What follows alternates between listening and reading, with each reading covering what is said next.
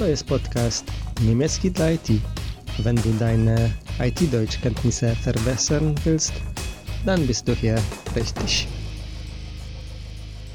Hallo und herzlich willkommen. Ich bin Krzysiek und das ist Deutsch für IT, Folge 028. Cześć, witam serdecznie, jestem Krzysiek, a to jest niemiecki dla IT, odcinek 028.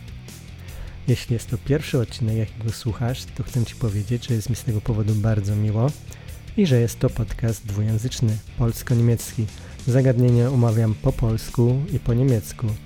Dzisiejszy odcinek właśnie tak będzie wyglądał, że będzie fragment wypowiedzi najpierw po niemiecku, a później będę dokładnie to samo powtarzał po polsku. Możliwe, że w tle będziesz słyszał od czasu do czasu moich synów, bo jest to odcinek nagrywany w czasie koronawirusa.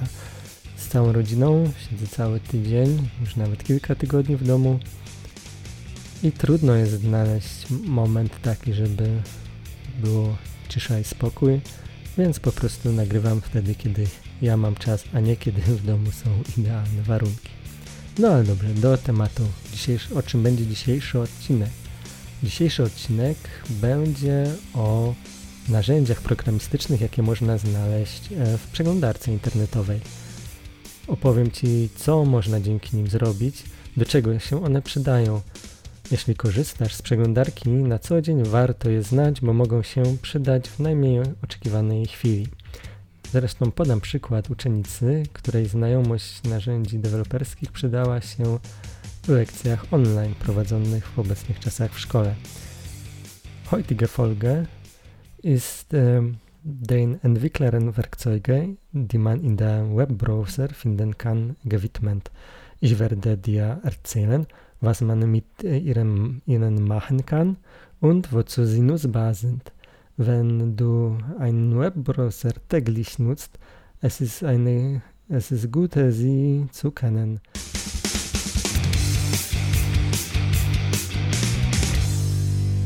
Webbrowser ist ein Wort wie Internetbrowser. Beide Wörter sind Synonyme und bedeuten, wie du wahrscheinlich vermutest, przeglądarka internetowa. Was äh, kann man mit einem Entwicklerwerkzeug im Internetbrowser machen? Und vor allem, wie schaltet man sie ein? Ich werde während dieser Folge auf äh, Google Chrome Browser basieren. Webbrowser, tak jak Internet Browser, są synonimami i zapewne, jak się domyślasz, oznaczają przeglądarkę internetową. Co można zrobić z narzędziami programistycznymi w przeglądarce i przede wszystkim jak się ją włącza. W trakcie tego odcinka będę bazował na przeglądarce Google Chrome. Um sie einzuschalten, muss man die F12-Taste betätigen. Oben befindet sich die Symbolleiste und die Reiterleiste. Ich werde nicht alle vorhandene Reiter besprechen, vor allem weil es viel Zeit in es, vor allem, weil es viel Zeit in Anspruch nehmen würde. Und zweitens, ich bin kein Frontend-Developer und persönlich habe ich nicht alle Reiter benutzt. Sowieso denke ich, dass die, über ich dir heute erzählen werde, sind die populärsten. Aby je włączyć, trzeba nacisnąć klawisz F12. Na górze znajduje się pasek narzędzi i pas pasek zakładek. Nie będę omawiał każdej zakładki. Przede wszystkim dlatego, że zajęłoby to za dużo czasu. Po drugie, nie jestem frontend deweloperem i nie używałem każdej z zakładek. Tak czy inaczej, uważam, że te, o których dzisiaj opowiem, są najpopularniejsze. Zuerst ist der Reiter Elements. Dort äh, sieht man den HTML, der äh, dahinter steht. Dieser Reiter ist sehr hilfreich, wenn man untersuchen will, was hinter das, was auf der Seite ist, steht. Eigentlich besteht der Reiter aus zwei Teilen. Im ersten Teil ist der HTML, also das, was sich zurzeit in den DOM befindet. DOM also Document Object Model.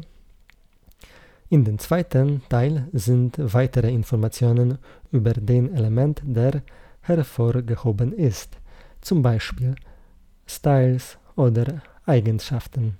Ich persönlich nutze diese Reiter, um Lokatoren zu finden für bestimmte Elemente auf der Seite, damit der automatische Test weiß, was er auf der Seite finden muss. Aber letztens habe ich eine sehr interessante Verwendung von dieser Reiter gehört. Wegen Coronavirus, die Kinder in Polen lernen von zu Hause. Sie kommunizieren sich mit den Lehrern per Zoom oder andere Kommunikatoren. Ab und zu haben sie Prüfungen per Internet. Eine Schülerin hat ihren Test mit Hilfe äh, der Webbrowser-Entwicklerwerkzeuge untersucht. Ja, es war ein Test, wo man musste die richtige Antwort wählen und äh, sie stellte fest, dass alle korrekte Antworten eine Flagge gleich true haben.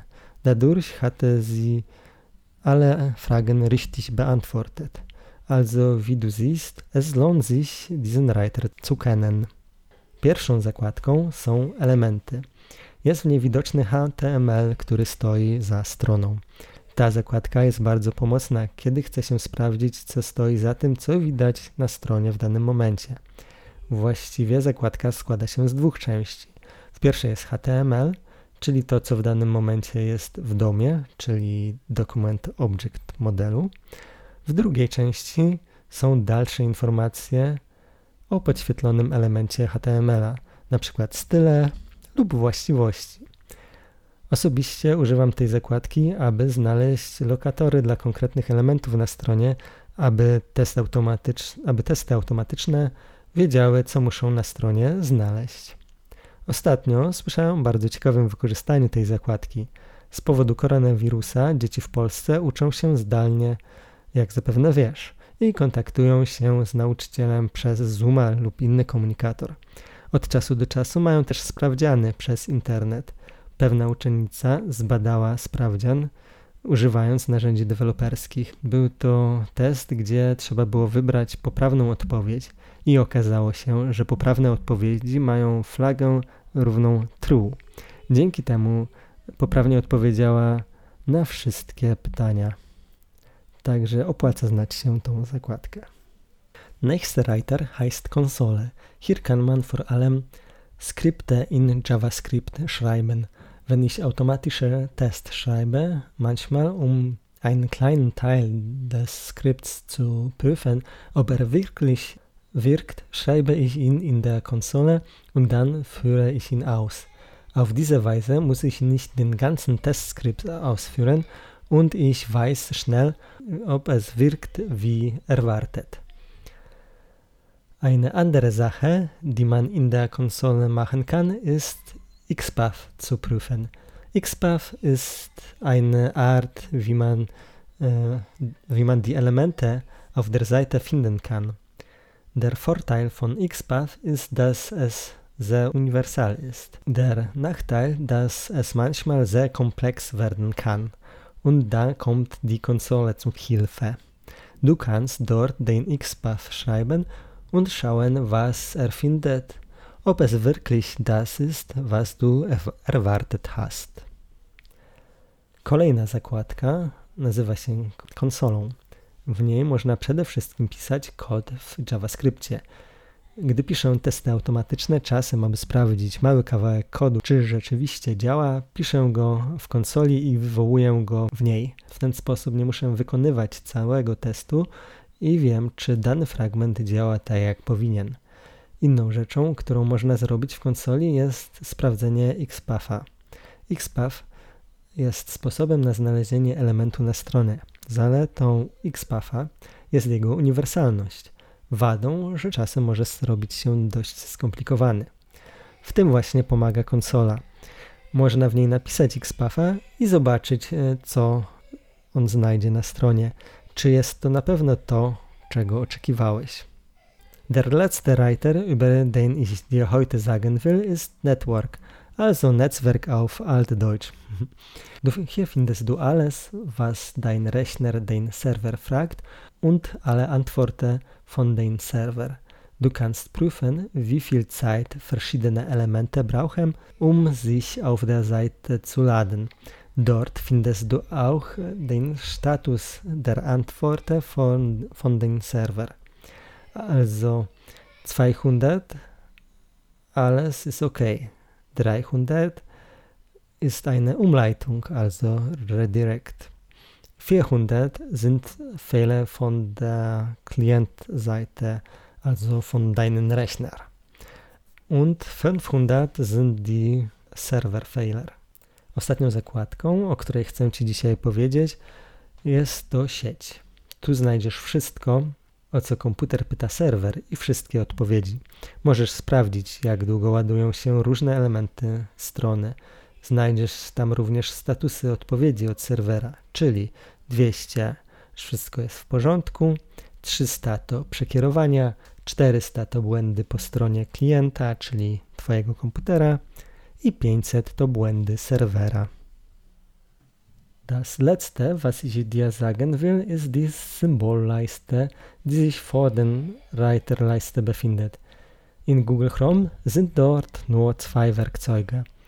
Das erste ist das Inspektion-Werkzeug. Wenn man es wählt und auf irgendwas auf der Seite klickt, dann wird sich der Element in den Elementreiter öffnen und du kannst ihn weiter unter untersuchen. Zum Beispiel, was für Eigenschaften er hat oder ob äh, es eine Flag gleich True hat und damit die richtige Antwort auf einem Test ist. Das andere, das andere Tool ermöglicht, die Seite wie auf dem Smartphone zu öffnen. Es ist nützlich, wenn du ein Foto auf Instagram aus deinem Rechner hochladen willst. Du hast zum Beispiel das Foto auf den Rechner bearbeitet und jetzt willst du es auf Instagram hochladen.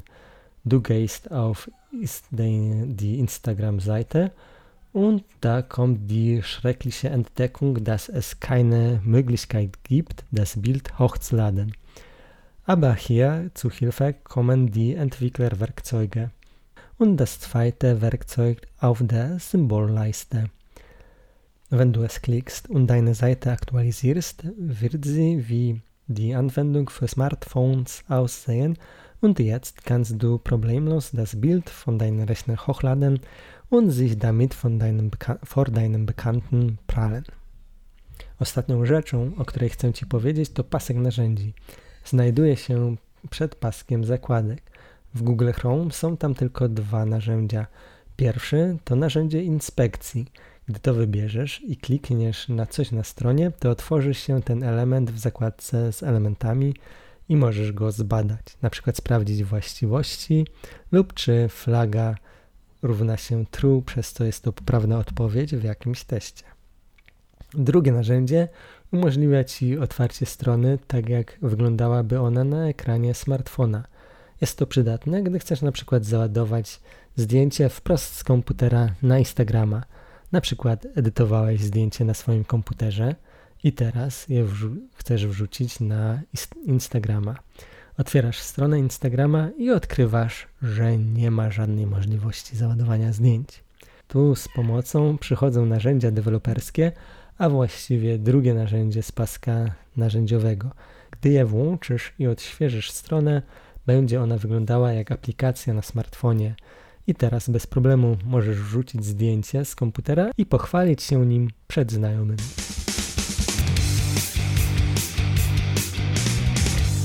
Okay, zu die Zusammenfassung. Danke, dass du zugehört hast. Wie immer hoffe ich, dass äh, der Inhalt dieser Folge, Folge nützlich für dich war. Wenn dir etwas zu dem Thema fehlt, sag es mir Bescheid entweder in den Kommentar unter dem Artikel auf www.niemieckidleit.pl oder per E-Mail niemieckidleit.gmail.com. Es gibt noch die Seite www.niemieckidleit.mn.co. Es ist äh, wie eine Facebook-Gruppe, aber außerhalb Facebook, also nichts lenkt dich ab. Du kannst auch da sich mit mir in Kontakt setzen, wenn du auch äh, allgemeine Fragen hast, die nicht mit einer bestimmten Folge verbunden sind, kannst du sie mir dort stellen. Mit Laufe der Zeit wird die Gemeinschaft auf der Seite größer werden und ich hoffe, dass ihr werdet euch gegenseitig helfen können. Also darauf hoffe ich auf jeden Fall. Dzięki, że wysłuchałeś odcinek do końca. Jak zwykle mam nadzieję, że zawartość tego odcinka będzie dla Ciebie przydatna. Jeśli czegoś Ci brakowało w tym temacie, to daj mi znać albo przez komentarz pod artykułem na stronie www.niemieckidlait.pl lub przez maila niemieckidlait małpa gmail.com niemiecki dla IT razem pisane małpa gmail.com Jest też strona www.niemieckidlait.mn.co Jest to takie coś jak grupa facebookowa, tylko poza Facebookiem, więc nic Cię tam nie rozprasza. Możesz się ze mną skontaktować również za jej pośrednictwem. Jeśli masz jakieś ogólne pytanie, które nie jest związane z żadnym z odcinków, możesz mi je tam zadać. Z czasem, gdy społeczność się będzie powiększać, będziecie mogli sobie pomagać i odpowiadać na pytania nawzajem. A na pewno liczę na to, że tak to będzie. Przypominam też o akcji, że wszystkie pieniądze, jakie do końca roku dostaną za pośrednictwem Buy Me a Coffee, wpłacę na rzecz UNICEF Polska. Na stronie www.niemiecki.mn.co będzie artykuł poświęcony tej zbiórce z podsumowaniem miesięcznym, aby zachować transparentność. Zresztą też co miesiąc zebrane pieniądze będę na rzecz UNICEF-u przekazywał, więc po prostu pod koniec każdego miesiąca będzie podsumowanie. A teraz dziękuję jeszcze raz za wysłuchanie do końca i zapraszam już dziś na kolejny odcinek. Danke, alles Gute und bleibt gesund.